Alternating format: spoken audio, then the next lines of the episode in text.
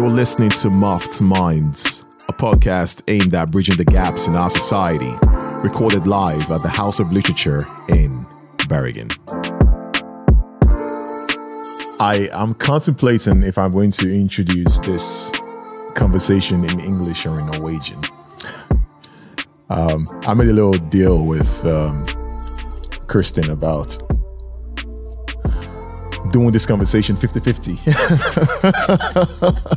oh my God. I've never spoken Norwegian on screen or on set before. And a lot of people who know me probably never heard me speak Norwegian. Uh, but today, that might change. Today. Good evening, everybody. Welcome to this edition of Muffed Minds. I still go by the name of Dorian's Grave um, in the house. Today we have someone whose aura is unique. You see people like this, you just know, you just feel it. Something tells you this is not just an ordinary person. This person has done stuff. Therefore, we decided to invite the managing director of the House of Literature, who technically is my boss, to come have a sit down with us today and take a journey through time. And we thought it was important because her story is inspiring and hopefully inspires you as much as it will inspire me today. And um, as mentioned, this conversation will go both in Norwegian and in English. So good luck, me, and good luck, us by way of the world, please welcome Kristin Hella Valla. Takk. oh, man. Oh, we, Det går så bra. Vi har testet det ut. Du er flink til å snakke norsk. jeg vet ikke hva jeg skal si. Nei, vær så god. Um, jeg, jeg tror jeg skal begynne å snakke engelsk, faktisk. Så får vi se det an om jeg skal bytte og liksom snakke Ja. norsk litt. Er det greit? Vi gjør sånn som det passer seg. Ok, det gjør, det gjør vi. Ja. Christian, welcome to the gig. Welcome to Muffed Minds. It's a pleasure to have you here with us. Um, I can feel it. I can feel that you. I'm sitting in front of someone who's done things. You know, who's seen a lot, experienced a lot, and in my experience, is usually the kind of conversations I want to have, so I can actually learn, listen, and hear stuff. Let's start with where you were born and where you ended up. Det var mange Det var en veldig lang reise. Jeg ble født i Bodø i Norge, i nord i Norge. Eh, og så endte jeg opp i Bergen foreløpig. Men eh, jeg har flyttet veldig mange ganger i livet. Eh, faren min var lege, og så reiste han til forskjellige sykehus i Norge og utlandet for å eh, bli spesialist. Og så så likte moren og faren min å reise. They love traveling. Um, så eh, jeg tror det var begge deler. At han hadde jobber forskjellige steder, og at vi skulle oppleve ting sammen. Ikke bare i Norge, men også i utlandet. And when you were 12 years old or 13 years old, you moved to South Korea. Ja. Oh, sorry, Korea, Seoul in Korea. Ja, South Korea. Seoul. Yeah. Så that der eh, eh, Det var veldig spesielt fordi det var ikke så mange år etter Koreakrigen, som det heter. Uh, så det var ekstremt mye fattigdom. Veldig mange krigsskadede mennesker. Eh, eh, nå er Seoul en by med eh, kjempehøye hus og biler og som en hvilken som helst storby i verden. Den gangen var det ett hus som hadde seks etasjer, og det var Bando hotell. Resten var eh, gamle hus og veldig mye eh, ja, shacks. Altså det var, det var liksom ikke eh, Verden hadde stått litt stille eh, siden før krigen. Eh, så folk gikk i de draktene, altså sine nasjonaldrakter eller sånn. den måten å kle seg på. Og det var ikke så mye biler, så de trakk kjerrer eller bar eh, det som het A-frame på ryggen. En sånn, ja, hvor du går og bærer, og det kunne være kjempehøye lass med ting. Ah, det var um, Men det var et folk som var så De var så sterke og samtidig vennlige. Og uh, det sto sånn respekt av dem at eh, selv om det kunne se veldig fattigslig og veldig kanskje litt skremmende ut for meg som en 12-13-åring å komme dit, uh, så følte jeg veldig fort at eh, At jeg Jeg falt ikke til ro, men jeg, jeg, eh, jeg, lik, jeg likte veldig godt å være der. Men altså, vi, vi bodde innenfor et område som var veldig sånn lukket. eller Det, var, det het National Medical Center, og det var drevet av norsker og svensker og dansker eh, gjennom et sykehus som ble opprettet under Koreakrigen. Akkurat som MASH i den serien MASH, så har du et sånt sykehus. Og så laget de dette sykehuset i Seoul. Og inviterte folk fra Skandinavia til å jobbe der. Og så, eh, så underviste de samtidig, for det var ikke noe universitet. Så det sykehuset ble et universitetssykehus. Så da bodde vi inne i en sånn compound. Og så ble vi kjørt til skole. Først begynte jeg på en amerikansk skole, fordi det var 8th Army eh, som fremdeles sto i Korea og passet på grensene og sånne ting. Og da Men jeg trivdes ikke så godt på den amerikanske skolen. Jeg syntes det var veldig vanskelig. Okay. Og så eh, Hvorfor det? Det føltes så fremmed å være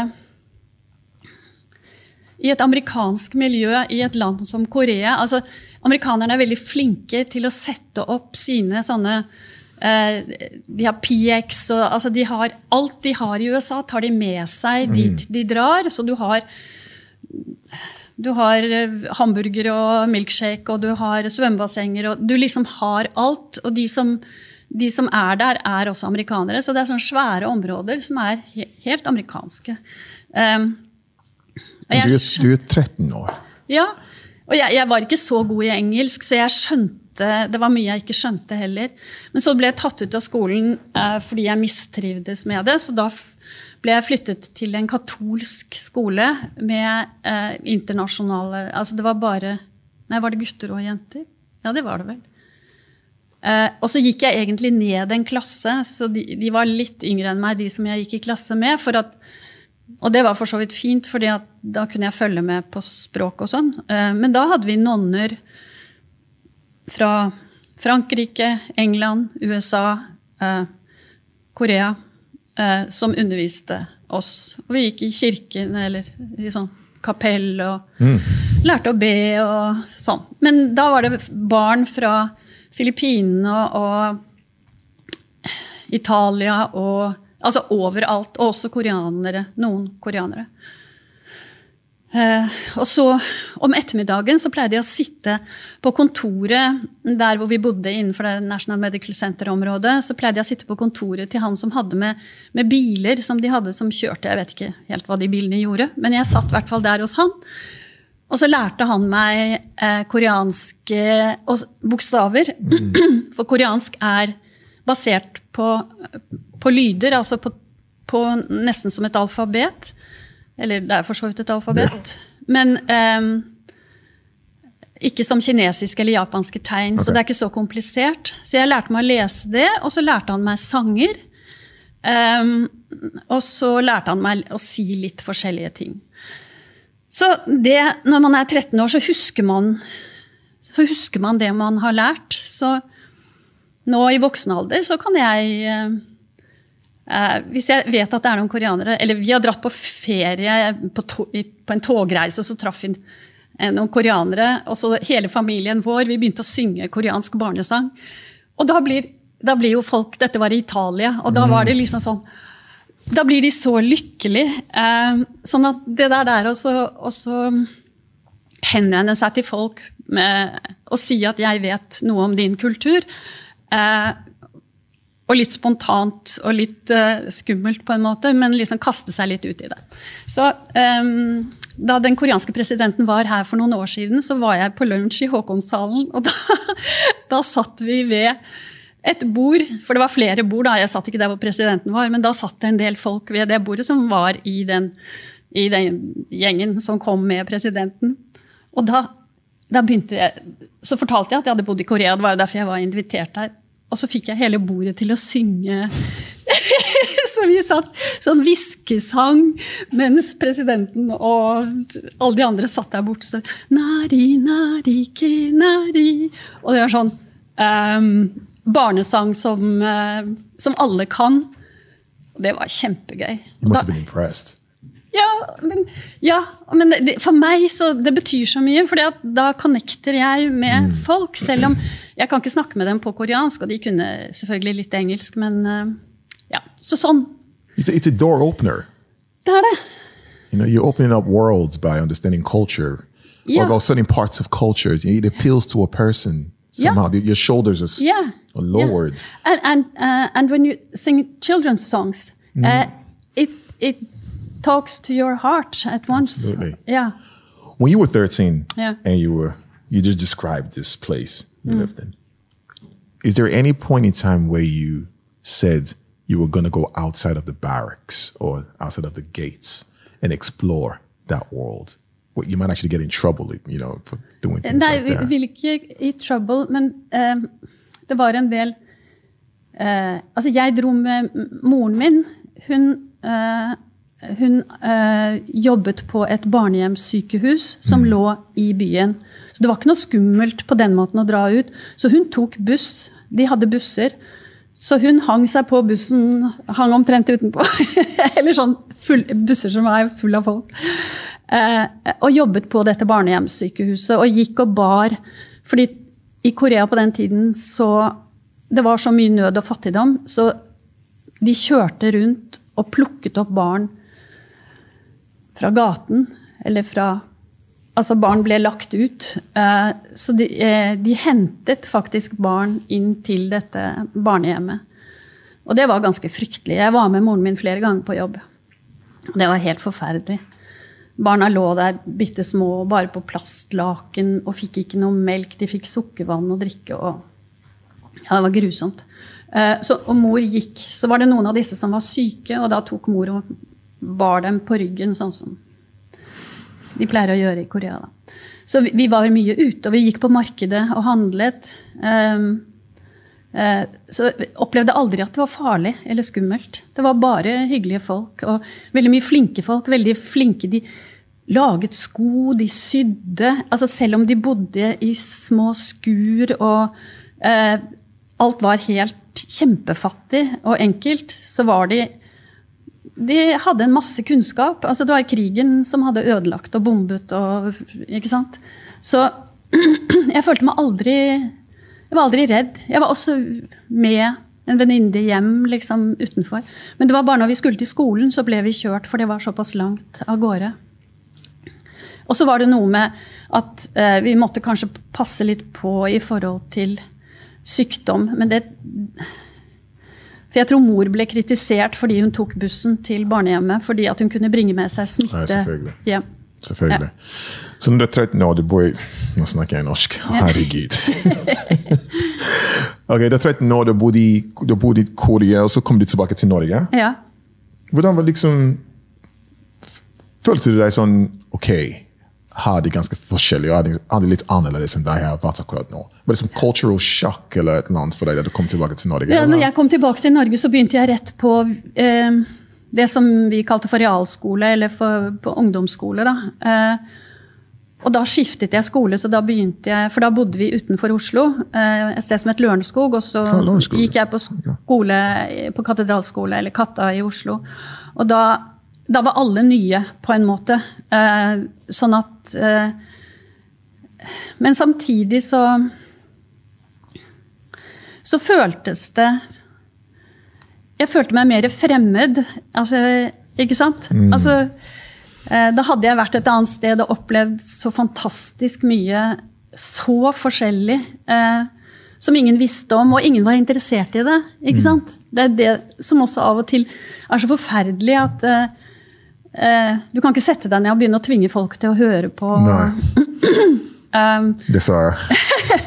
ja, men altså, så hadde vi jo Jeg har jo en familie, vi er fire barn. Og vi hadde jo, delte jo denne opplevelsen sammen. Um, og det husker jeg faren min også sa sånn at men du vet, altså du kan vise en masse lysbilder av steder du har vært, men det er ingen andre som er interessert i å se på dem, annet enn vi som har vært der.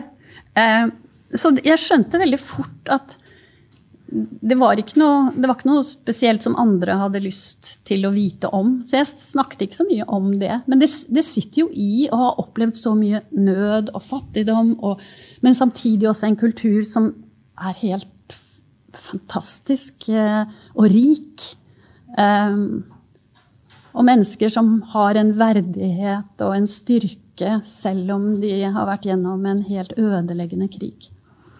Så ja, jeg følte meg annerledes.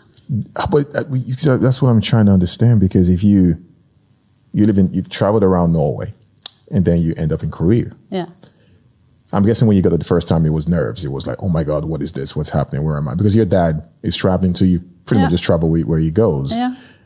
And you go there, you see this place with so much culture. Hmm. You know, people work hard. They're not complaining, even though there's just been a war and hmm. everything. They just keep hmm. it moving. And then you come back to Norway. And you, you can't tell anybody any of your experiences because obviously, like you said, no one is going to pay attention. But not, not long after that, you moved again. And this time around, you find yourself in Uganda. Yeah, yeah. Eh, mm, da gikk jeg Det var i annen gym. eh, så reiste vi til Uganda. Em, så da skulle far jobbe på Makerere University Hospital i Kampala. Uh, uh, og da Jeg tror I don't know, maybe I didn't really want to go in a way because I had, you know, I had a boyfriend and I was 17 Yeah. and uh, ah, there were lots of possibilities in life. So um, det er alltid vanskelig å, å reise fra noe og komme til noe nytt, men jeg har gjort done it so many times uh, that I knew that things ja, det ville fikse seg. Det ville, det ville gå bra. Altså Når du har en familie som har det bra sammen, så klarer du masse. Um, så uh, So we went, and uh, Uganda was different in another way than Korea. Uh, it was well, like Kampala now, I don't know how it, what it's like, but I suppose it's like a big international city in a Absolutely. way. Uh, men den gangen Det var ikke storby. There were turbulent times too at that point in time we had Idi Amin. On it the- was on the before Idi rise- Amin, On the yeah. rise. Uh, yeah, Ubuntu was, uh, but um, it was rather peaceful. It was, it was very rural. It was not very urban. Uh, they had markets uh, and with things on the ground, and there were a lot of Indian uh, merchants because uh, West Africa, uh, no, no, I mean East Africa was, you know, filled up with Indians. I, I, I, heard about that. Yeah, and they uh, so it was almost it felt like it was almost as many Indians as it was Africans in a way. Um, så um, dette var om høsten, tror jeg. Og jeg skulle begynne på boardingskole i Nairobi etter jul. I Kenya etter jul. Eh, for jeg, jeg Det fantes sikkert en, en high school, men jeg vet ikke om det Jeg tror ikke det var noen white people eh, i Altså, det var eh, grunnskole og sånn. Eh, søsknene mine gikk på det, og lillebroren min gikk på kindergarten. Men eh, jeg ble i hvert fall Jeg dro til Faren min fulgte meg, så vi dro til Nairobi. Eh, til Kenya High School for jenter. Så det var sånn Eh, vakkert sted. Så ut som sånn litt engelsk gammel med store sånne steinbygninger og eh, Som lå i en park, og det var idrettsbane, og det var svømmebasseng for elevene og sånn. da, Så det var veldig sånn og det gikk afrikanere der, det gikk eh, alle mulige folk. altså Sørafrikanere, sør det gikk engelskmenn, det var eh, folk fra Jeg vet ikke om det var kanskje, kanskje, en del sånn folk som kom for å jobbe i Nairobi, som sendte barna sine på For det var både sånn day people, altså folk som gikk der på, til vanlig, sånn, og så var det vi som bodde der. Um, så uh, men det er den verste perioden i mitt liv. Det var å gå på boardingskole i, i Nairobi. Vi bodde i forskjellige hus rundt på den compounden. og så Jeg bodde i Mortimer House. Og der var det korridorer, og så fikk vi hver vår sånn cubicle. Mm. Og det er et bitte lite rom som var to ganger fire meter, med en seng og et skap og et vindu. Og så var det en, en, vegg som gikk inn til neste rom, og den var eh, Den veggen gikk ikke helt opp til taket. Og ut i gangen så var det ikke dør, må, det var bare sånn Curtain. curtain. Og så um, så vi måtte, og så måtte vi ha uniform. Det var litt spennende å plutselig gå i skoleuniform. Jeg kom fra Katta i Oslo, og vi var litt sånn hippieaktige, og jeg hadde kjæreste. og og så plutselig så kommer du om å kle på deg grå, grått skjørt og jakke, dressjakke. Og folk hadde ikke lov å ha håret hengende løst, det måtte være i en hestehale. Nå har ikke jeg sånt hår, så jeg uh, Men um, Og så måtte vi stille opp om morgenen, så måtte vi stille opp nede Assemblies og Ja, ja i, i, gangen. Og så skulle prefect som skulle se om vi så ordentlig ut. Og så måtte vi marsjere opp til spisesal som lå ja, et eller annet sted. Eh, på vei til skolebygningene. Og så, så der fikk vi servert eh, eh, toast og fett, baconfett, holdt jeg på å si. og um, kaffe. Um,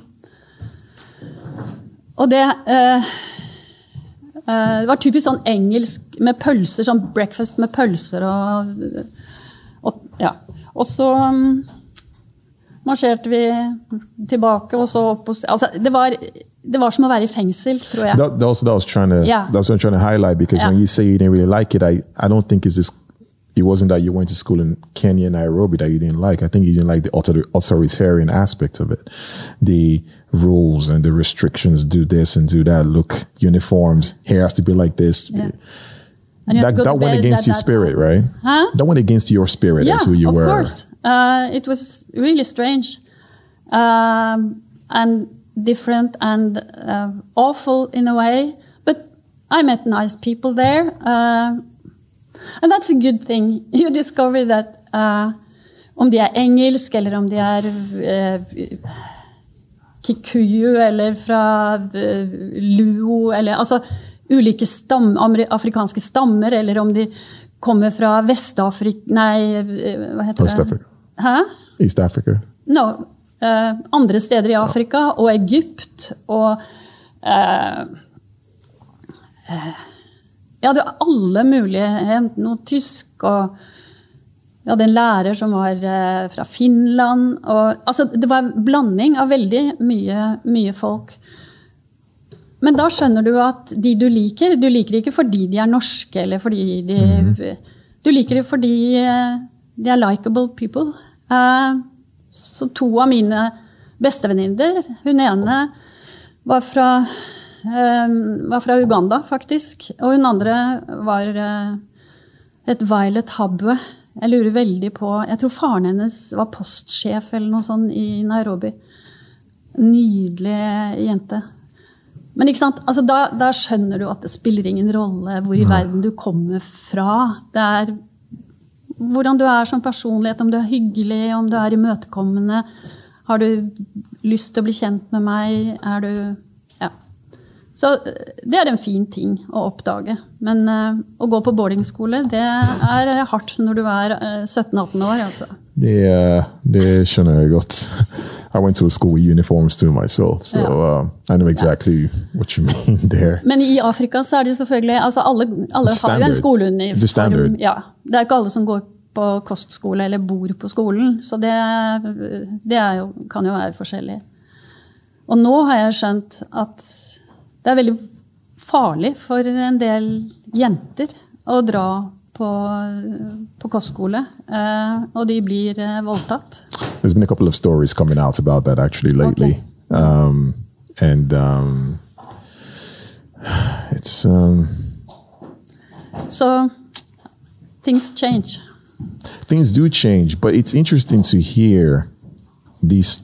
I, I, it's it's important to highlight this part of your life and to let you speak about it freely because what I'm trying to do is see how your exposure to these cultures you know, has made you who you are mm-hmm. today. Mm-hmm. And we're going to try to see how the Norwegian society as a whole could actually learn from your your experiences, the way you grew up, your exposure to culture, and being able, being susceptible or being sort of being open to other cultures too over time. Ja, men jeg tror nesten In a way, I think you have to be there and experience it because you can't tell people, or But people have a choice, Kristen. win in a way. People have a choice. Most people I meet in Norway sometimes when I ask them where to go on vacation, Yeah. They usually tell me about all these great places, all these places that are beautiful and Yeah, safe and yeah. and all that. And I always wonder, why don't you go somewhere else instead? There's not the mm. same. There's the polar opposite of where you're from. There are nice people there. Mm. There's that skepticism that lies within. Mm. that oh no, we, we can't go there. It's not safe there. As opposed to oh yeah, that's true. Maybe I could go learn a new culture and Men jeg tror det I think it's quite a lot of people want to have that experience, going other places, seeing other cult- cultures, not not always going to Spain and uh, bathe in the sun, even though I understand Norwegians wanting to bathe in the sun. I, I, I do, I do it too. Uh, men uh, i min familie og mine søsken, våre barn, alle har eh, reist ut, alle har opplevd ting. eh, so it's easier when uh, when you are exposed for these to these things when you're young. Uh, it's you don't have any prejudice of sorts. You just open minded. no, and it's it's not prejudiced either. In a way, it's uh, in a way it's uh, people are afraid of what they don't know. Man er redd for det som er ukjent. Min mann, han syns Jeg sa vi skal reise til Afrika. Eh, vi må dra, hele familien, til Afrika. Eh, jeg vil vise dere dette her hvor jeg har bodd, og jeg tror det er viktig. Har ikke du visst det ikke visst det da? Jo, jo. Så vi har dratt. Eh, men min mann han var kjemperedd. Men han, han var redd for å flytte fra Oslo. Han syntes det var skummelt å flytte ut av Oslo. Men uh, han er blitt uh, Jeg har tvunget han til å gjøre det. Eller til å være med på disse reisene. Uh, men han liker ikke å fly, og, eller før i hvert fall. Så for en del folk så er det ikke fordi de har fordommer, men det er mer at de er redde. Akkurat som folk ikke vil ta koronavaksine fordi de er redde for å få stikk, ikke for å, redde, for å få vaksinen. Godt point. Um, så um, Um, um, back to this thing of people not wanting to go to certain places in the world hmm. as a result of, of course, fear of the unknown. Hmm. It's not because they don't want to go. It's just because there's hmm. certain things that they worry about. And I understand totally. And I'm just trying to see how we can understand you more, you know, because if you, you're 13 years old, you're, you find yourself in Korea mm-hmm. and now you're 17, well, teenager, mm. with a boyfriend. Mm. You're in Oslo Cathedral School, mm. which is actually the school I was supposed to go to, but I did not. I yeah, I, I said I didn't want to go there. I went to Oslo Hounders Game instead. Ah. yeah, and I lived in Lauren, lived in Laurenskog. Gjorde du? Insane. Ah, I didn't see you. It's- it's- well, thank God, because then I Yeah.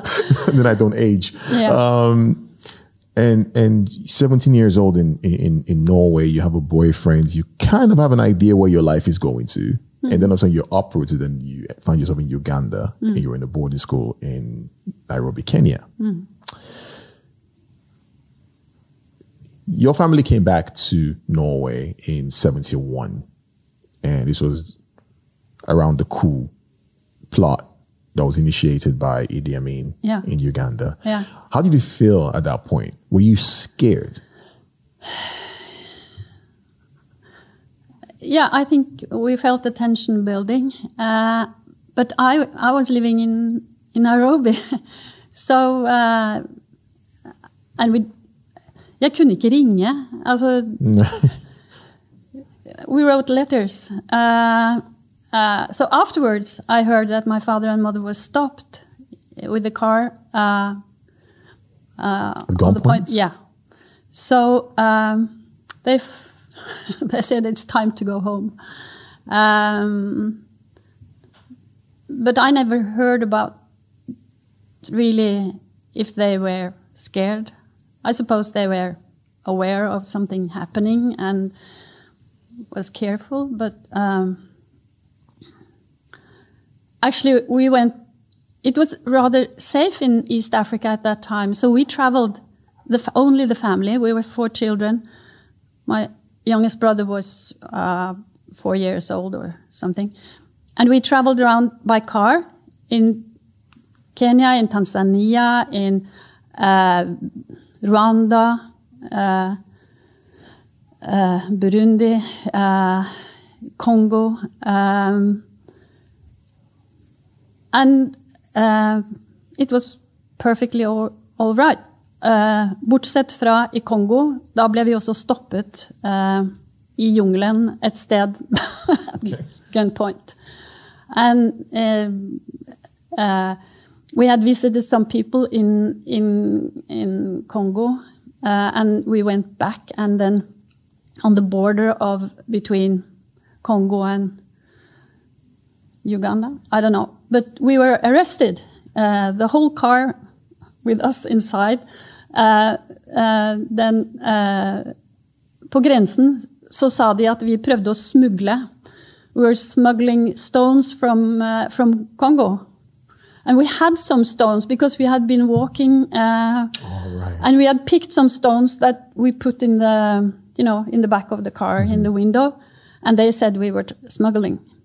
But uh, so the the man who arrested us, he he sat in, inside the car with us. It was a small Peugeot, and we were already six people, and he was sitting there in the middle, in the back, and uh, with his uh, skrivemachine. Uh, oh, the, the typewriter. o- o- on his lap, and we had to go back to Guma, uh, and we, you know, it was a horrible road, and we took hours and hours and hours. So this man who had arrest, uh, arrested us, he sat in the middle, and we sat around in the car, and we uh, kjørte til Goma, and there we went to the uh, some Norwegians, and they said, okay, uh, this will be fixed. So I think this guy just wanted to go to Guma. Oh my God.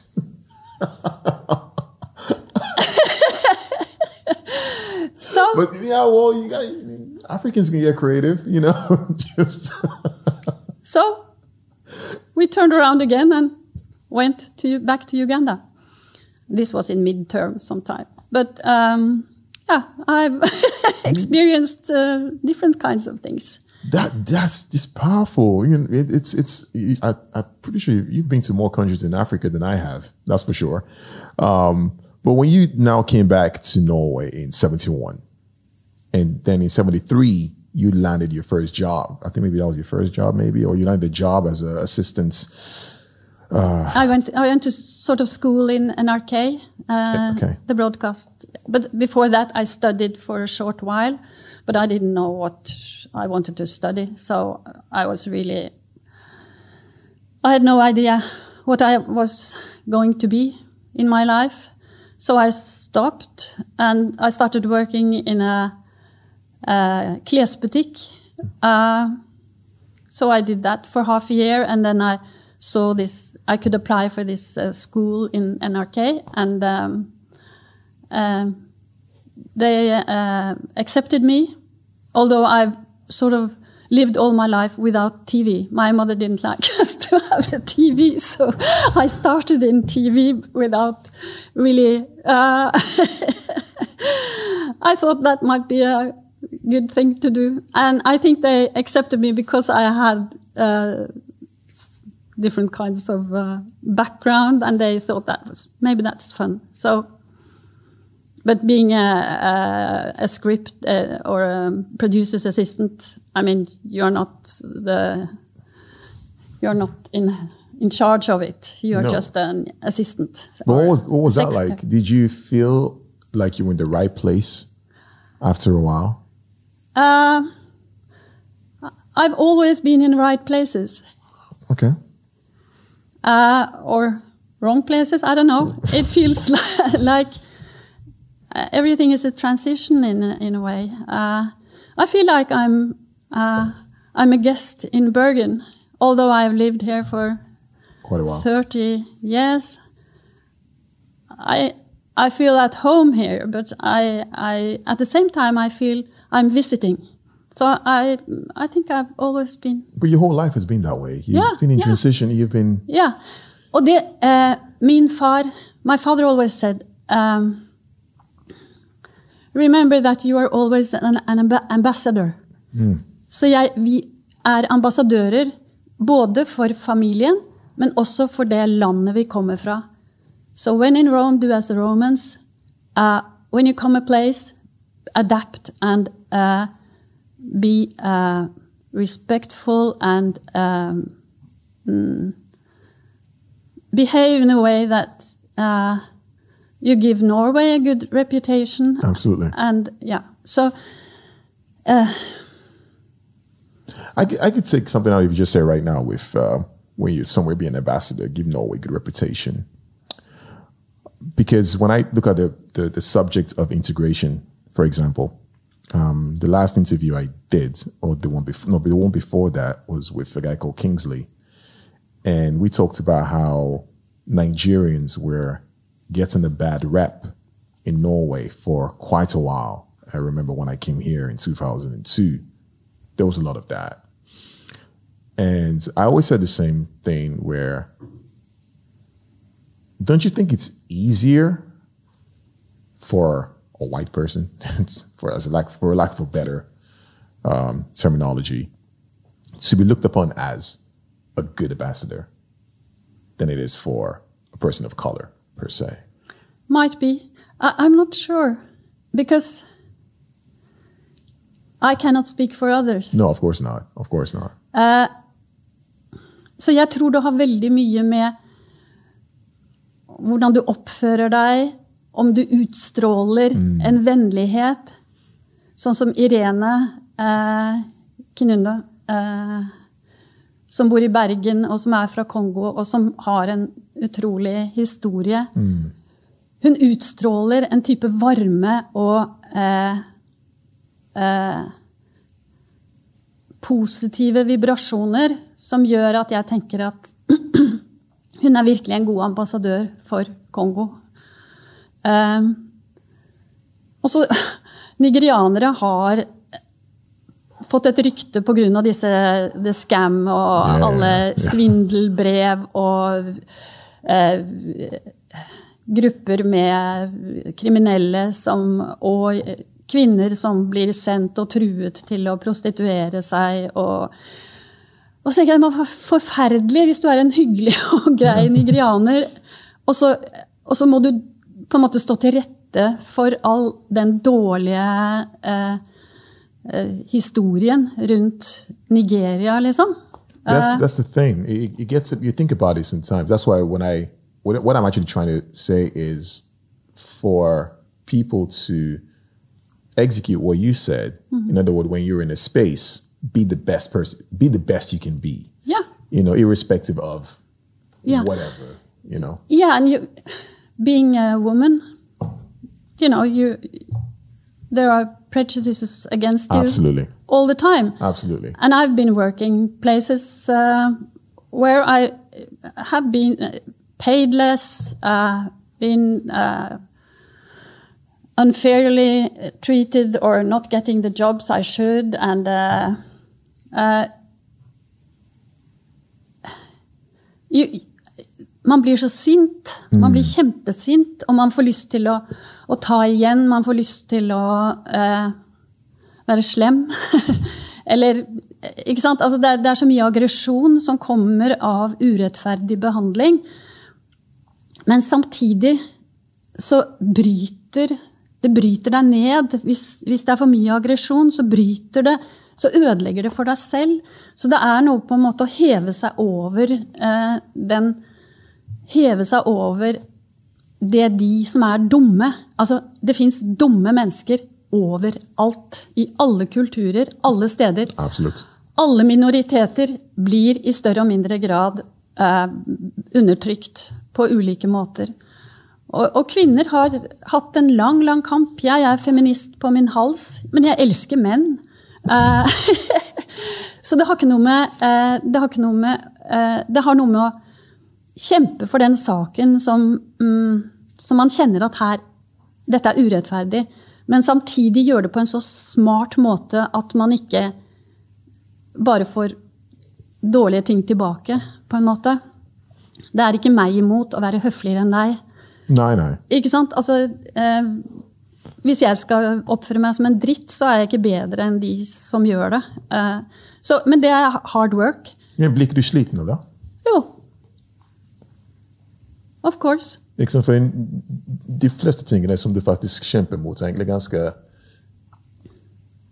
Det er egentlig ting som det er ikke noe vits å kjempe, å kjempe for i det hele tatt. Nei. Det burde være helt greit. Altså, ganske obvious.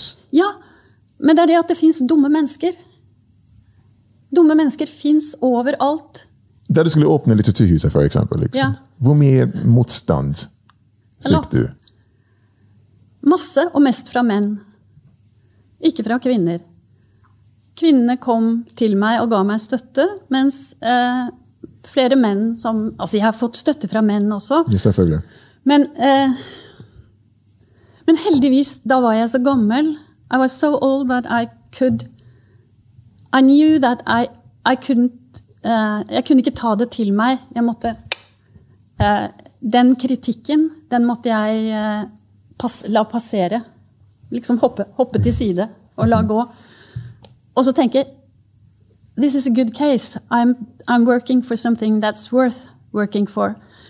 Så de eh, Den følelsen av å, å slåss for å få dette huset på plass Da følte jeg likevel at jeg rundt meg hadde støttespillere som, som trodde at jeg kunne gjøre dette. Men det var masse, masse fordommer, masse Det var avisoppslag og hun uh, kommer ikke herfra. Altså racist, sort of. Uh, hun er ikke fra Bergen. Uh, og hun vakler av gårde på høye hæler. Og altså, det var really strange Eller at du ikke leste nok bøker. Ja, ja. Og har ikke, hun er ikke en av oss. She's not one of us. That, That's that's weird. How does that make you feel, though? I mean, I know you're strong, Paul. I mean, yeah, I know. that's a lot. I mean, I know, I know you are you you you are a woman who takes things in good stride, and you've experienced a lot, yes, but not many people are that strong. I've never been very strong. I've become strong. That's what I'm saying. You've been through it. You've experienced a lot of things, and and then you get in there because when people, some people break down and they say they will they give up. Yeah. And unfortunately, if you're a woman and you give up, we know what men are going to say. Mm-hmm. Yeah. Men are going to say, oh, of course, Yeah. selvfølgelig, det en dame, Ja, ja. hun klarer jo ikke you know, it's it's it's is one of these activisms I also want to talk about because we are in a in a building that's been here for what seven years. Well, you you officially said the, the house opened in, In 2013. 2013, So eight- yeah. 13, right? So Yeah. eight years, give or take. Um, and it's not an easy thing to do, especially when people keep telling you things like, oh, no, you're not from Barrigan. Oh, no, well, let's be honest, say like it is, you're a woman. But of course, no one is going to say that because it's politically incorrect per se, but that's what they're thinking. Yeah. And, and you felt that too. Yeah. Um, yeah, I did. But at the same time, there were enough people who believed in me, and I, I, I, um, I chose to listen to them. Uh, so what doesn't kill you makes you stronger. Absolutely. Uh, and, men, men jeg blir sint, eller jeg, men jeg blir litt forbannet. Og det sinnet, det Det kan man bruke til å løfte seg over de som prøver å trykke deg ned. Men før Litteraturhuset så jobbet jeg i TV 2, og det var jo også til tider svært utfordrende, med en veldig sterk mannekultur og en veldig Og da hadde det ikke, handlet det ikke om å, å bo i Bergen eller ikke, men da handlet det om at gutter Boys help boys, or men help each other. So um, How many women were in the, there at the time? I don't know. Men eh, det var få Det var én kvinne på toppen, og hun hadde med eh, personal å gjøre. Og så var det menn. De var for så vidt ok, men de rekrutterte hver Altså, det, for, menn rekrutterer menn. Eh, og jeg var ikke Jeg var på en måte ikke Jeg var ikke interessert i, i begynnelsen. Altså, jeg ble underbetalt. Altså, jeg oppdaget plutselig at jeg fikk mye lavere lønn enn de eh, som faktisk også hadde mindre erfaring og sånn enn meg. Så endte jeg opp til slutt, da. Men jeg måtte jo slåss. Ti, ti år i TV 2 så opplevde jeg at jeg sloss. Samtidig som jeg lærte masse. Jeg fikk mange muligheter. Reiste til USA, fikk gå på kurs. og um, Jeg skjønte plutselig at jeg kan ikke sitte og vente på at noen skal fortelle meg hva jeg skal gjøre. Jeg må si 'jeg har lyst til', 'dette vil jeg'. Eh, jeg setter i gang noe. Og så det, hvis det går bra, og jeg melder meg på eh, en, er, eller en del jenter da, er kanskje ikke så flinke til det. Nå er det kanskje litt mer forandring, men det er, du må fremdeles eh, slåss ganske mye med Ja, men det, det er sant når du sier jenter, men jeg, jeg tror faktisk at det gjelder menn òg. Ja. Ikke for å liksom Jo, jo. Men det, det, det, det er derfor jeg vil liksom snakke litt om, fordi da kommer vi til, kom vi til temaet janteloven. ja. Ikke sant? Mm. Mm. Fordi at når du sier det sånn, ok, du må Du kan ikke si å, kan jeg få lov til? Du må mm. bare Ja. do it. Yeah. But, but jante... I feel like I'm weird switching between Norwegian and English. ja. Doesn't matter.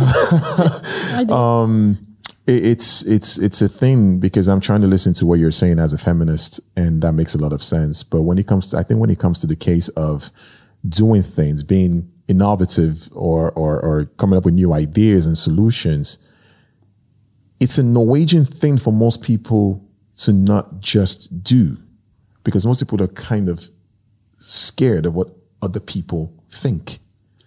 I don't think that's very Norwegian. You don't think so? No. That's a beautiful perspective because I, I, I feel I feel that I feel that as a foreigner. Yeah. Um, I know a lot of people who feel that too. Yeah. Um, Ja, fordi du er innvandrer, eller fordi du Jo, for, sant, fra mitt ståsted som en Ja. innvandrer, Ja. det føles ut som om ok, du kan ikke gjøre noen synd for du liksom på en måte ber om lov. For det er helt greit, selvfølgelig. Ja. Men av og til så har man liksom lyst til å liksom ta et steg litt lengre enn man- enn der man egentlig enn enn der man befinner seg, for å si det sånn. And when you say the way you say it, uh, women are not very good at just like, hey, Ja. this is me. Ja. Look at me, I'm here. Ja. I agree with you, but at the mm-hmm. same time, I want to say it's something that a lot of people are trying to deal with too. To mm-hmm. have that attitude of being seen as in, look at me, I'm here, I can do this. You don't have, mm-hmm. I don't need your permission. I don't need this. I'm not breaking the rules of the law, you know.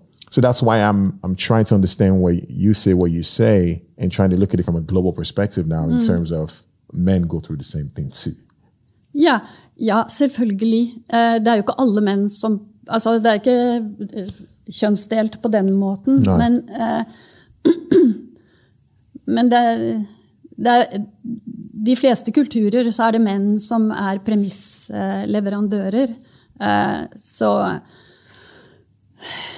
jeg tror det er vanskelig å si at til og med Norge, som er ranket som beste land i verden kanskje å bo i, gjør sånn. Men ja, vi har det kjempebra, men likevel kvinne, Vi har en kvinnekamp som vi, eh, vi må f.eks. kjempe. Altså for meg Jeg elsker jo at du sitter her og lager eh, arrangement på Litteraturhuset, så jeg sa vel veldig fort også sånn Ja, kom hit, gjør det. Akkurat som jeg har gjort med andre som jeg har truffet, som, jeg, som ikke eh, er født og oppvokst i Norge, men som jeg tenker at jeg har vært i utlandet og opplevd å bli tatt imot.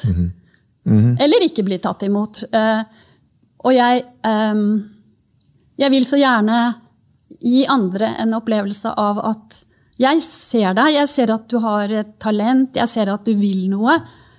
Kom hit, eh, vær med. Eh, og det eh, Det er helt sikkert vanskeligere når du er innvandrer, eh, fordi fordi du er ikke like trygg i den kulturen som andre, og du ser ikke ut som eh, nordmenn flest, liksom. Så jeg vet ikke hvordan vi skal bli kvitt det.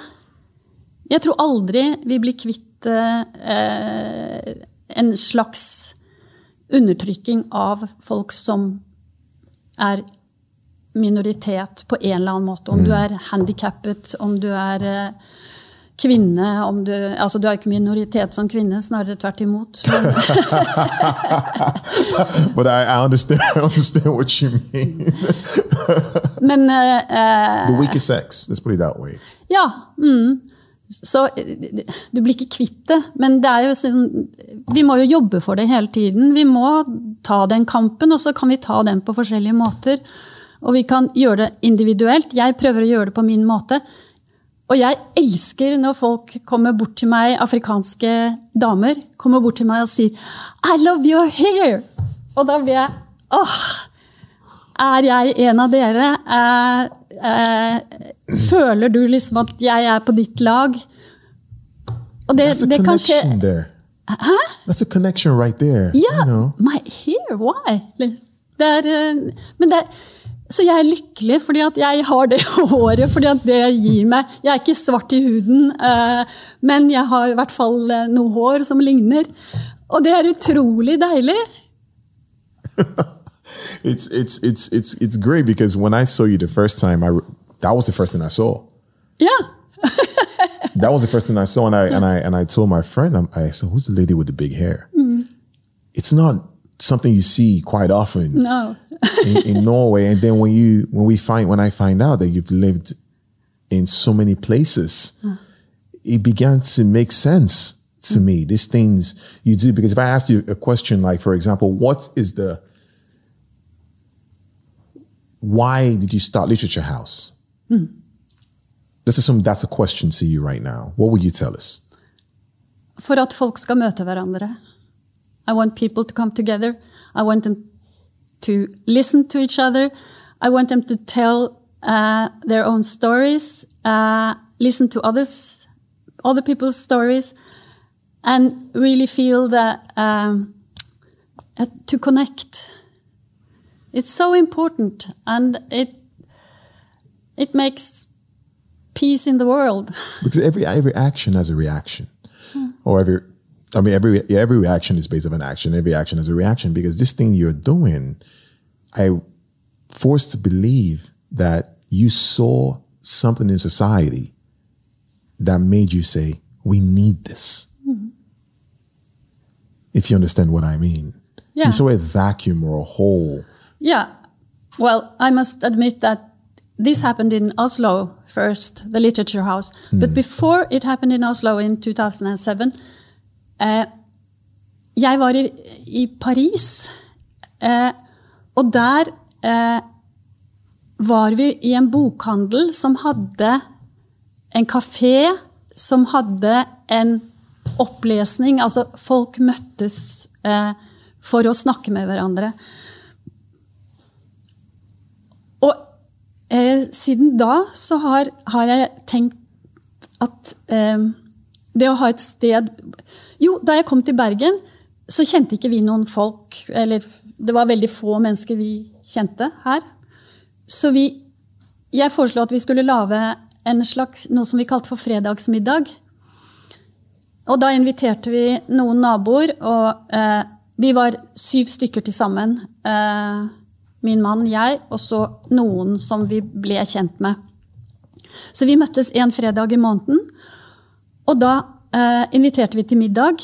Eh, og så hadde vi et tema.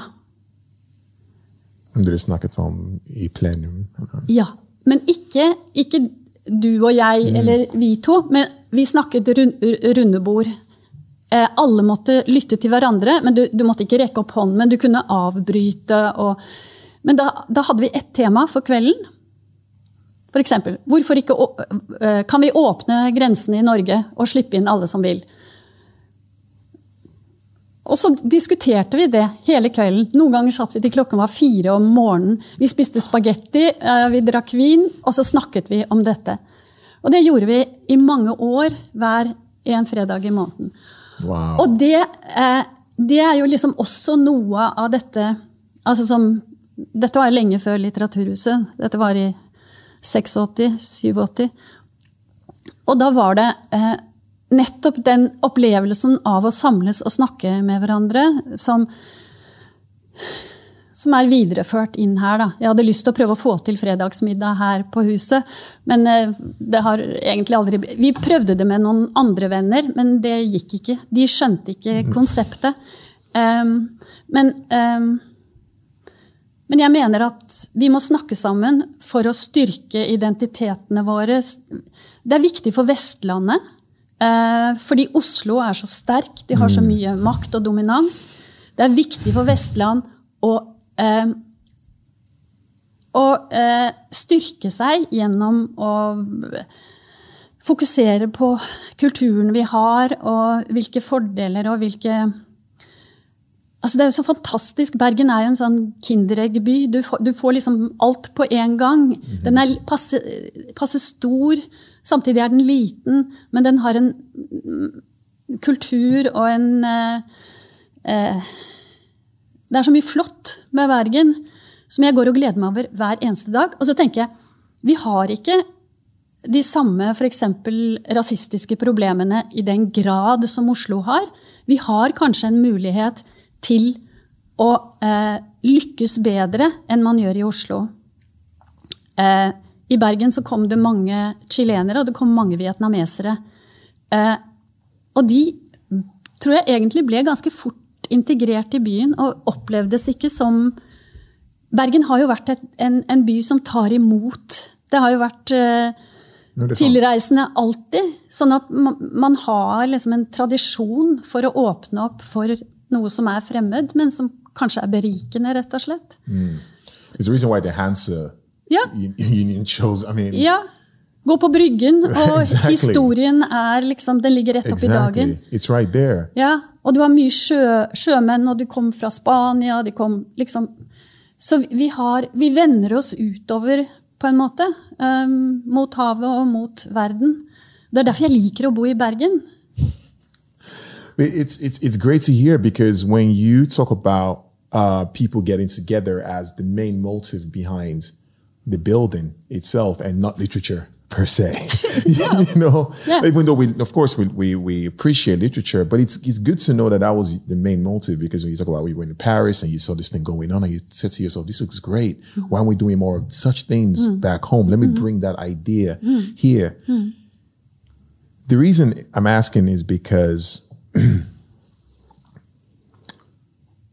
for you to have that idea to solve a problem, in, you sent me a link uh, two days ago uh, concerning an explanation behind why Norwegians can be perceived as cold, um, and and it, it, it's something I read. But at the same time, when you, as a Norwegian, try to put together like a fredags, uh, fredagsmiddag, yeah. and that doesn't even work because you said they didn't get it. Even yeah. a, a, concept so simple, actually.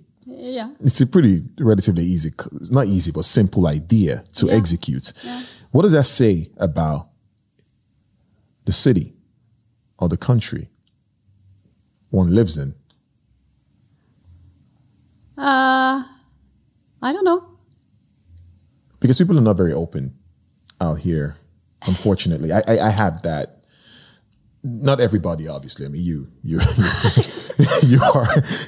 jeg kjenner mange som er åpne, som er eh, Så jeg syns eh, det er vanskelig å si at sånn er nordmenn, sånn er nigerianere, nei, sånn nei, nei, er koreanere. Throwing bottles. Men eh, eh, jeg syns folk er veldig forskjellige fra land til land. og fra, altså Sånn som å gå på boardingskole i, Kenya. I Kenya. Eh, noen var hostile, noen var, uh, ville ikke snakke, noen var veldig på. Eh, noen var ufølsomt Eh, Altså too much. Jeg, jeg føler at folk er, er, veldig forskjellige. Men som jeg sendte deg den artikkelen, at nordmenn har jo en tradisjon for å klare, orke å like å være for seg selv. Eh, gå lange turer eh, på fjellet uten at det er noen der. Eh, forholde seg til naturen, ikke nødvendigvis andre mennesker hele tiden. I vinter har jeg vært masse alene på fjellet og trives med det. Og behovet for å for å være konsentrert om seg selv, eller Jeg vet ikke.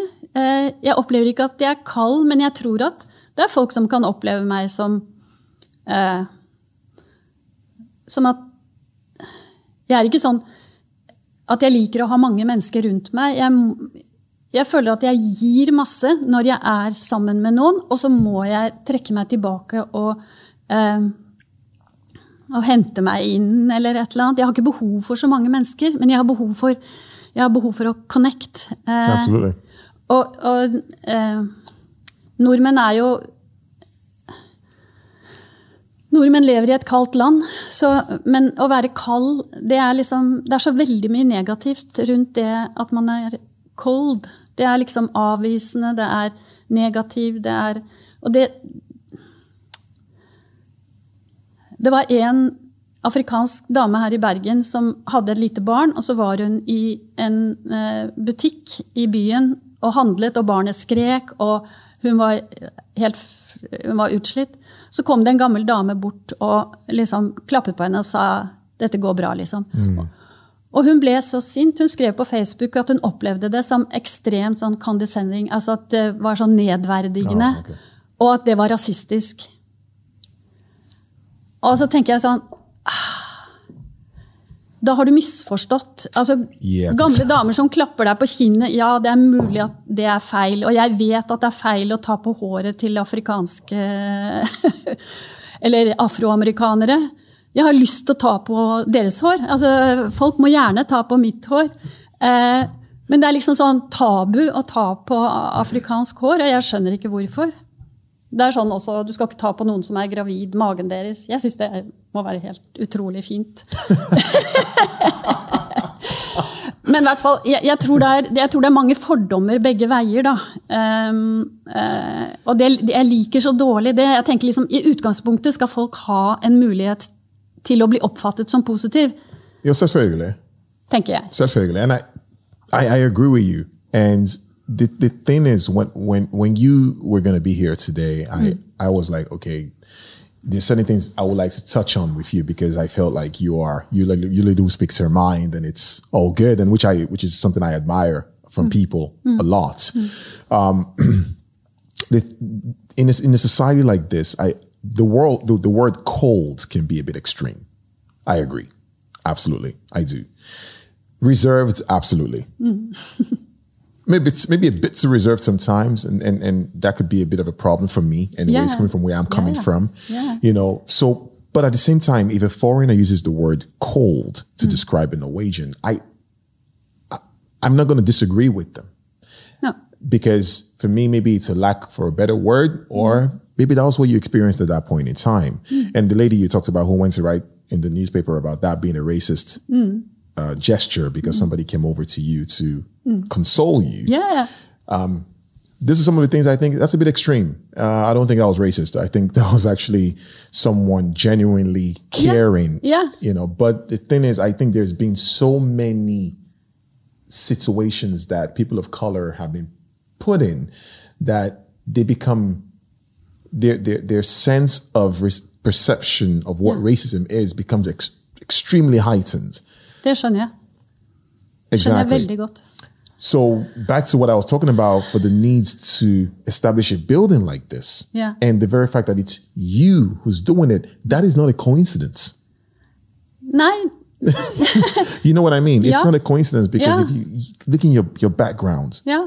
All the things you've Yeah. done, you don't really belong anywhere. It adds up in a way uh, that's something you cannot really describe what is, but it ends up in something that's good.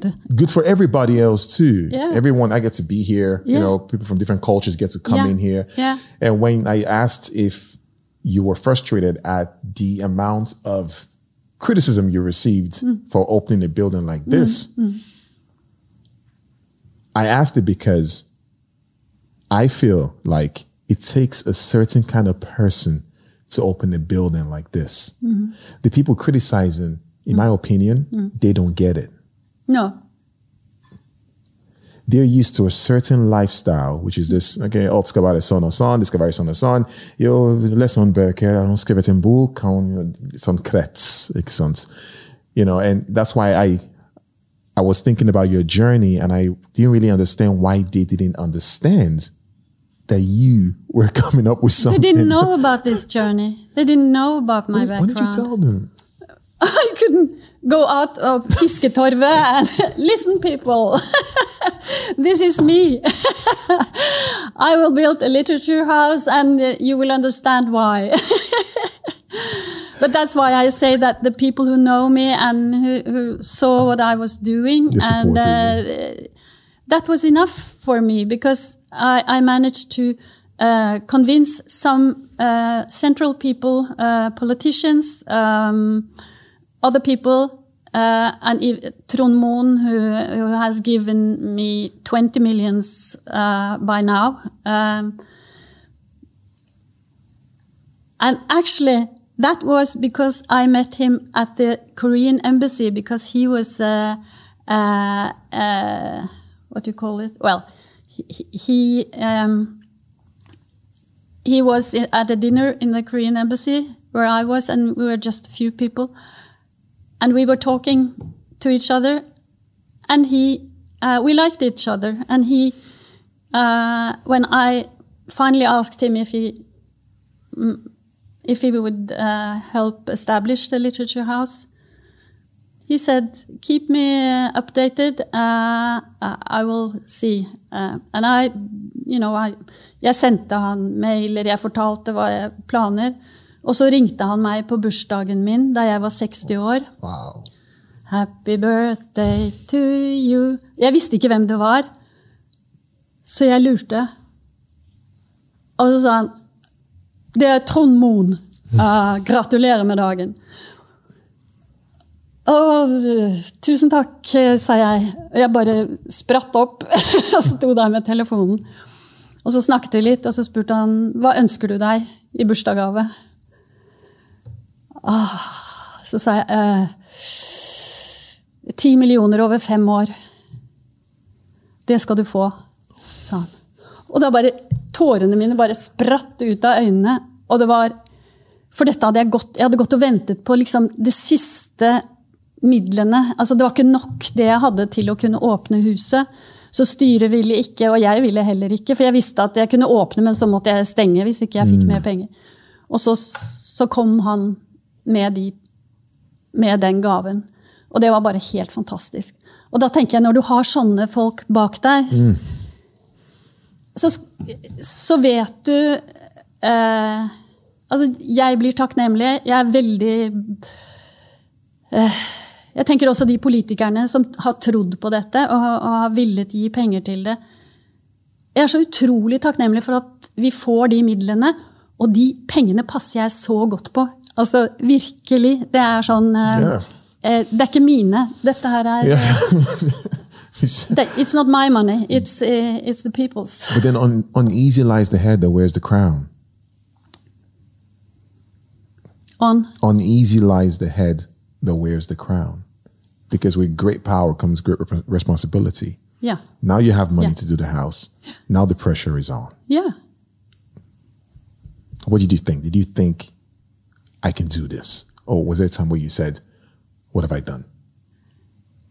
No, actually not. Because it took so long time before I had the money I needed. It took five years of really working from 2008 to 2008, two, yeah.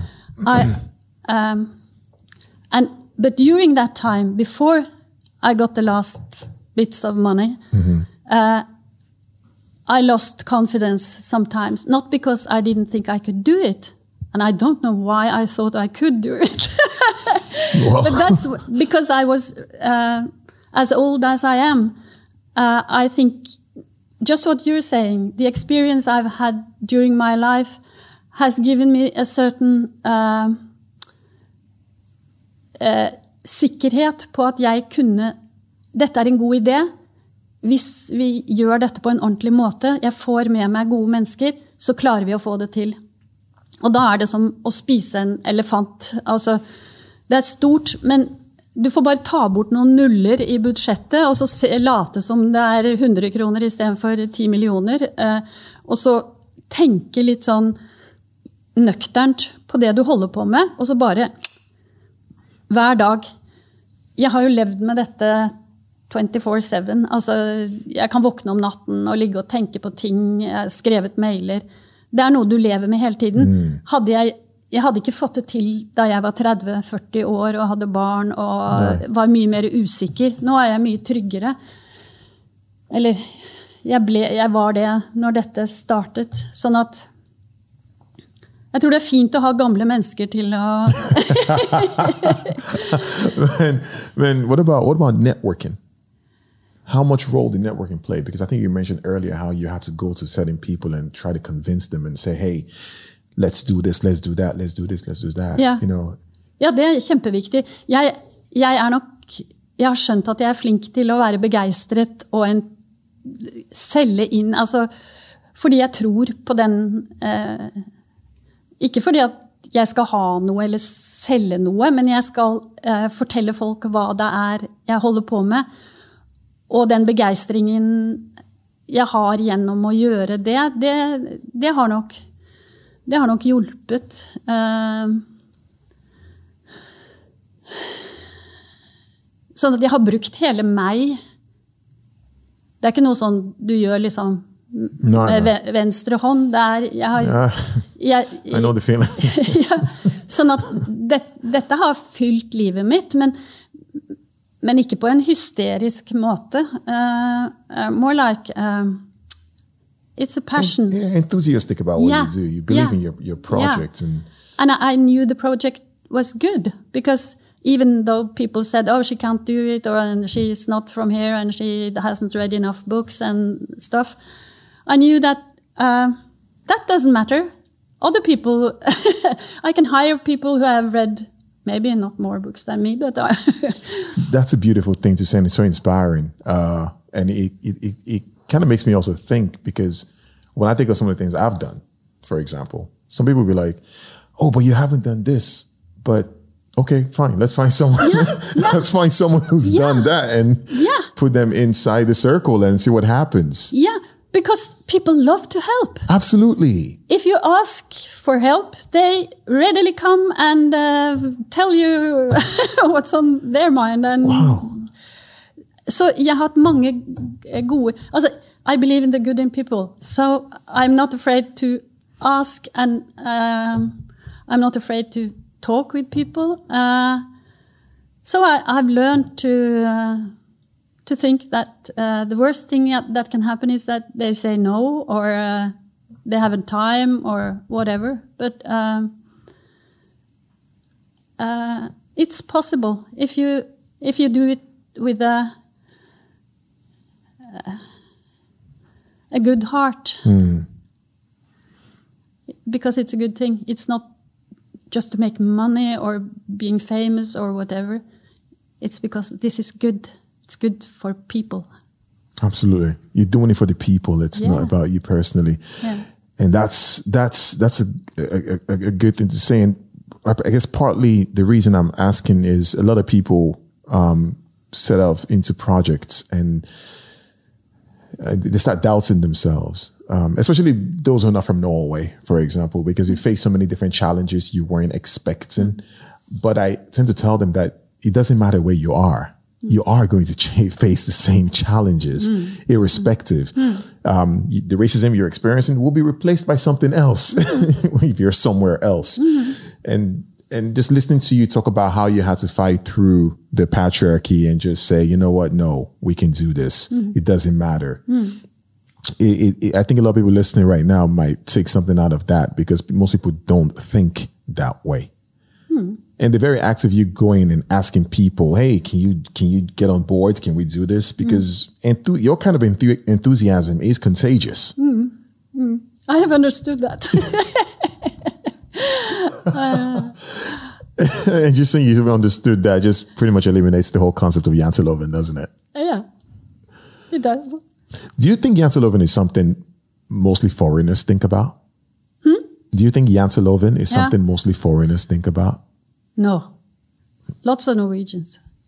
Janteloven is something we learn very, very early, I think. How early? Uh, at least de underviser på skolen, forteller om janteloven. Why janteloven is uh, not a good thing, or uh, how it's been used in. I suppose it was Bjørneboe who wrote about it in in his novels, and understanding that, uh, I think all Norwegians uh, know what it means. But foreigners, when they come in here, they don't. Yeah. They don't. They're not aware of these unwritten rules or norms, like we talked about. Um, and I, I always, I said that maybe this is something people should be made aware of Yeah, in maybe. some form of literature or the other. That's modern. Um, when you talk about beyond the boy, you know, Yeah. that's what I'm trying to Yeah, say. yeah. It's like yeah, men janteloven, ja. Du skal ikke tro at du er noe bedre enn andre. For det er ikke, janteloven er ikke at du får ikke lov å gjøre det, men det er mer går på din selvfølelse. At uh, du må ikke tro at du er noe, tenker jeg. Hva om, hva om man skal liksom bli noe? Men jeg, jeg har jo ikke alltid vært så trygg på det jeg holder på med. Jeg har jo latt meg dupere eller overkjøre eller stoppe tidligere i livet. Jeg var jo ikke eh, den som bestemte og Sånn at det er jo noe med Man må jo gå sin egen vei, og man må ta sine Altså møte utfordringene med det man har, og prøve å vokse på det. Um, du er ikke født til å bli en suksess. Uh, og selvfølgelig er det utrolig mye vanskeligere å være svart i Norge. og hadde jeg både hatt dette håret og vært uh, mørk i huden, så er det ikke sikkert at jeg hadde sittet her nå. Men, I'm, det bra du sa. I'm really lucky You're like, oh not being black. Oh, Uh, but That's- who knows? Who no, knows? but it's it's it's yeah, and, and I I think it's actually nice to hear you say that, and which is something I think is some a quality you have, and and that's the the quality of accountability, ownership. You know, of the things you own that you know that are working for you. Hmm. Because a lot of people wouldn't admit it. a lot of people would not say, "Oh no, it's no, no." You just said it yourself. Well, hmm. I'm light skinned. Hmm. I got, I get, well, I got big hair, but I'm light skinned, and that goes in my favor, anyways. You know, and, and I, I like it when you say it because a lot of people here don't admit it. No, right. And it's, uh, yeah, that's a, that's a, yeah. You have to admit that uh, there's a, uh, det er en fordel å være hvit. Punktum. punktum. Ja. Just admit it. Ja. and that's that's what I've been trying to get people to understand that it's not it's not me trying. I think I think I, I write a couple of things on Facebook sometimes, and someone sent me and say, "Oh, Michael, why are you so you're so aggressive about this?" I'm like, "No, I'm really not being aggressive. I'm just trying to make you understand." But I think a lot of people understand. I mean, dumme mennesker skjønner ikke, kanskje, eller de skjønner det kanskje veldig godt, eh, men smarte mennesker skjønner at altså, Når til og med jeg som er hvit, ikke kommer fra Bergen, får et problem når jeg kommer til Bergen. Hvis du da er svart og ikke kommer fra Bergen, og, så har du, du har en ekstra ting. Eh, eh, så som jeg sa, altså er du kvinne, så vil du veldig tidlig i livet oppleve at du blir undertrykt på en eller annen måte, eller at du må kjempe ekstra mye. Du må jobbe mot fordommer og eh, utsagn, dritt som folk slenger til deg. Ikke sant? Altså, men så er du svart i tillegg, eh, så er det enda vanskeligere. Men dumme mennesker er dumme mennesker. That's true. When Corona hit, yeah. what did you think was going to happen afterward? In terms I of changed the concept, and I because I've been working in televisions for so many years, I just thought, okay, we'll switch to being a studio like this, uh, and it was no, it wasn't difficult for me to to think that way because uh, I've been living with it so many years. So. Um, it, uh, uh, work-wise, it has been fantastic, uh, this epidemic, because it has taught us so much about how to make um, arrangements at the literature house in a different way and making it it function. Uh, and we've done that brilliantly oh, yeah, oh, you definitely have. and it's it's it gives me so much happiness. The people, uh, Siketering up there, uh, uh, and the people around me, or um, the people working with the uh, with the arrangements, the innholdet i arrangementene, med programmet. Og så klarer vi å fortsette å ha litteraturhus, selv om det av og til ikke er noen her, eh, eller bare noen mennesker. Så med de, den støtten vi har fått fra utenfra, altså vi har fått ekstra penger for å overleve, så har vi greid å omstille oss. Og det er kjempegøy. Det, det syns jeg er helt utrolig. Så bortsett fra at pandemien er et uh, stort problem for veldig mange mennesker i Norge eh, Jeg sitter her og har ikke noe problemer. Jeg har ikke mistet jobben. Ingen har vært permittert her. Alt har gått kjempefint.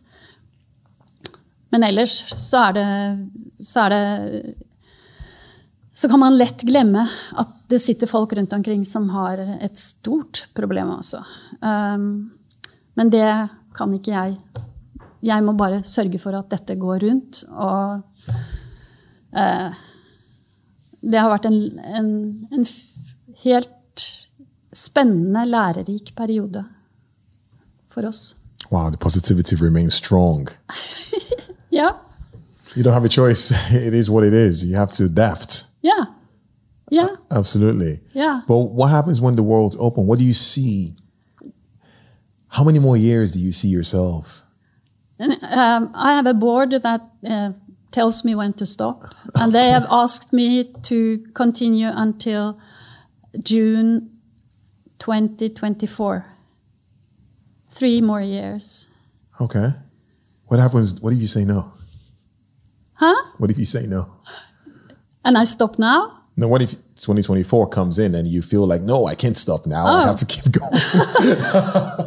But uh, maybe, uh, maybe I'm dead by then.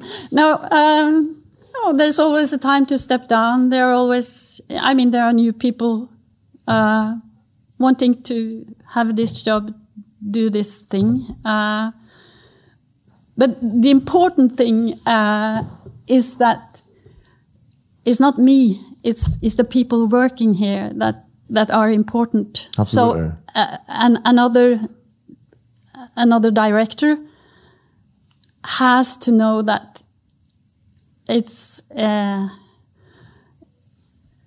it's so du må, uh, du må få de andre til å bli bra.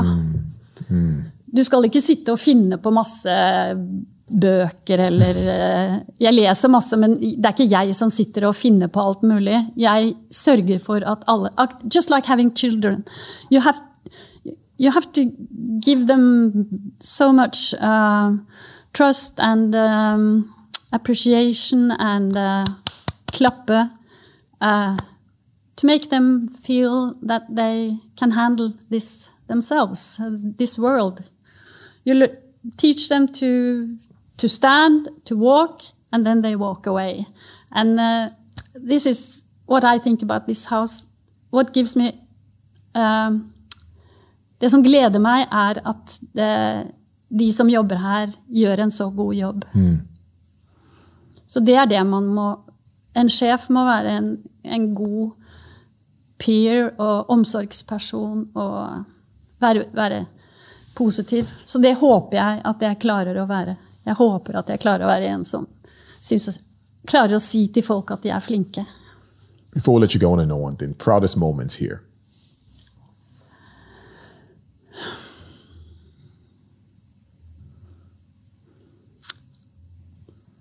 I don't know.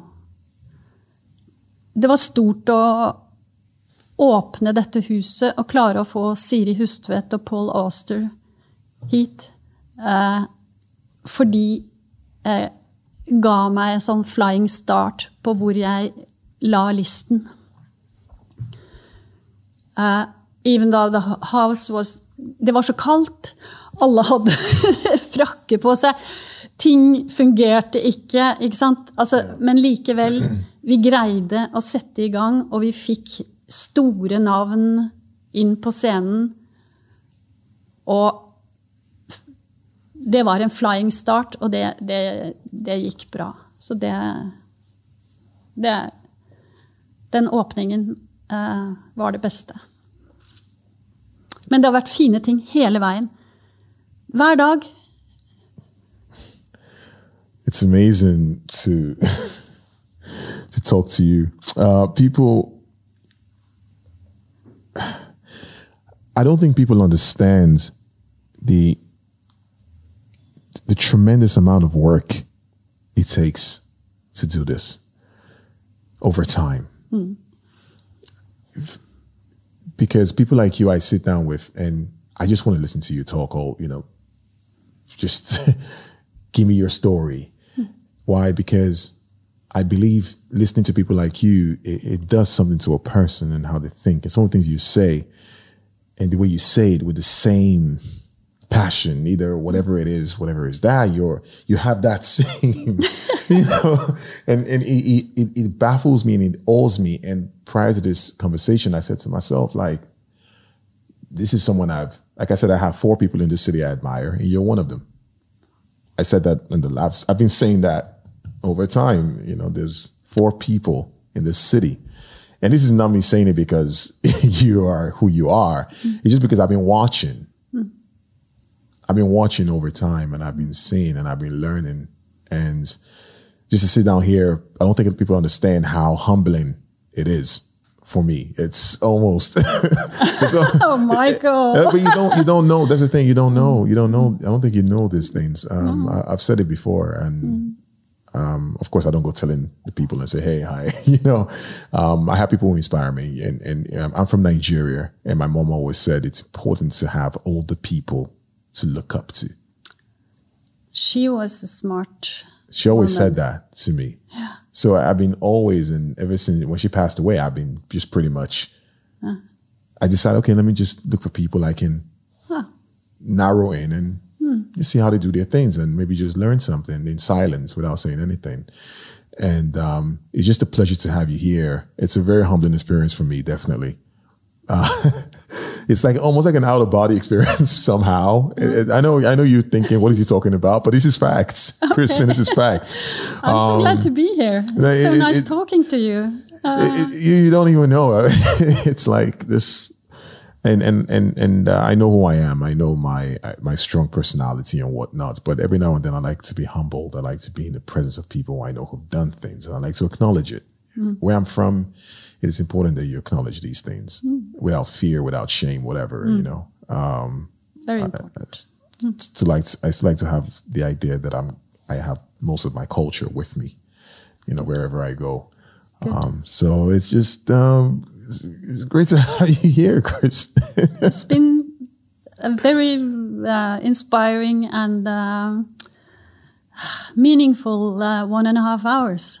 Thank you, Michael. You're welcome. I, I, and I do want to repeat a couple of things that I I felt like, yeah, you say that in standard interviews, anyways. You know, I wanted to talk about this, what we talked about, touching racism, but not go all the way into it because eh, it takes forever to have these conversations about mm-hmm. that, mm-hmm. and and talk about other stuff too about you and your accomplishments and and, and where you grew up from because that was important for me, especially to understand mm. because then it explains Mm-hmm. why you do the things you do. Hmm. You're a mix hmm. of different cultures and hmm. and the needs to or not the need, but the idea of bringing people together into one space. Not that many people think that way. No, maybe not. Because if there were that many people, many people, then there will be more buildings like like this one Yeah. um, everywhere else. But Christine, uh, thanks for coming out. Um, hope we hope we get to spend the next 2024. Is that is that what it was? 2024. All right, cool. Uh, I'll, I'll I'll mark that date. Okay. See you then. All right, but uh, thanks for coming out, Kristen. This Meeting of the Mind podcast is brought to you by Slam Poetry Berrigan in conjunction and collaboration with the House of Literature in Berrigan.